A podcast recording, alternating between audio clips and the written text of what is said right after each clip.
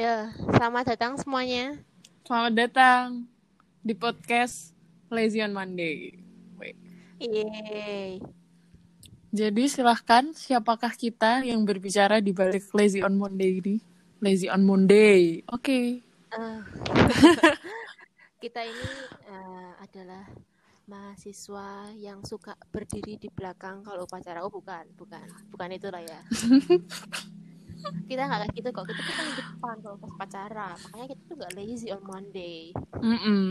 Soalnya kalau mahasiswa udah nggak upacara. Ya, bener sekali. Oke. Ini tujuan kita buat podcast tuh apa ya, Mbak ya?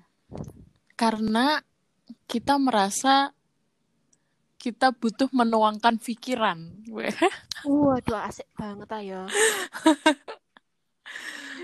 Hmm. Selain Tenan. itu apa lagi? Selain itu apa lagi? Selain itu apa ya? Kenapa kita buat podcast ini? Ya karena sebenarnya karena quarantine terus kita merasa kayak quarantine itu attack Hmm. entah itu pikiran, entah itu semuanya jadi bikin overthinking gitu. Jadi lebih baik kita sharing bersama. Iya, bener banget. Betul. Selain itu Kak, coba sebutkan Apa nih? tujuan kita membuat podcast. Mungkin sebagai tempat apa ya? Berbagi cerita. Iya, cuma betul. kita doang yang ngebacot. Waduh. Nanti itu kita bakal ngundang teman-teman kita. Bukan Iya. lah ya. Kan itu terkenal. Beberapa narus. Eh, kita akan memanggil banyak narasumber dari teman-teman kita sendiri. Mm-mm.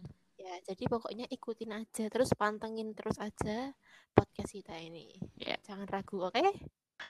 Perkenalan dong. Kita nggak perkenalan. Oh iya. Kenalan.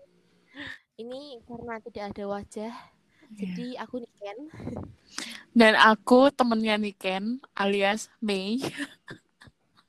Apa sih? Lu berantem.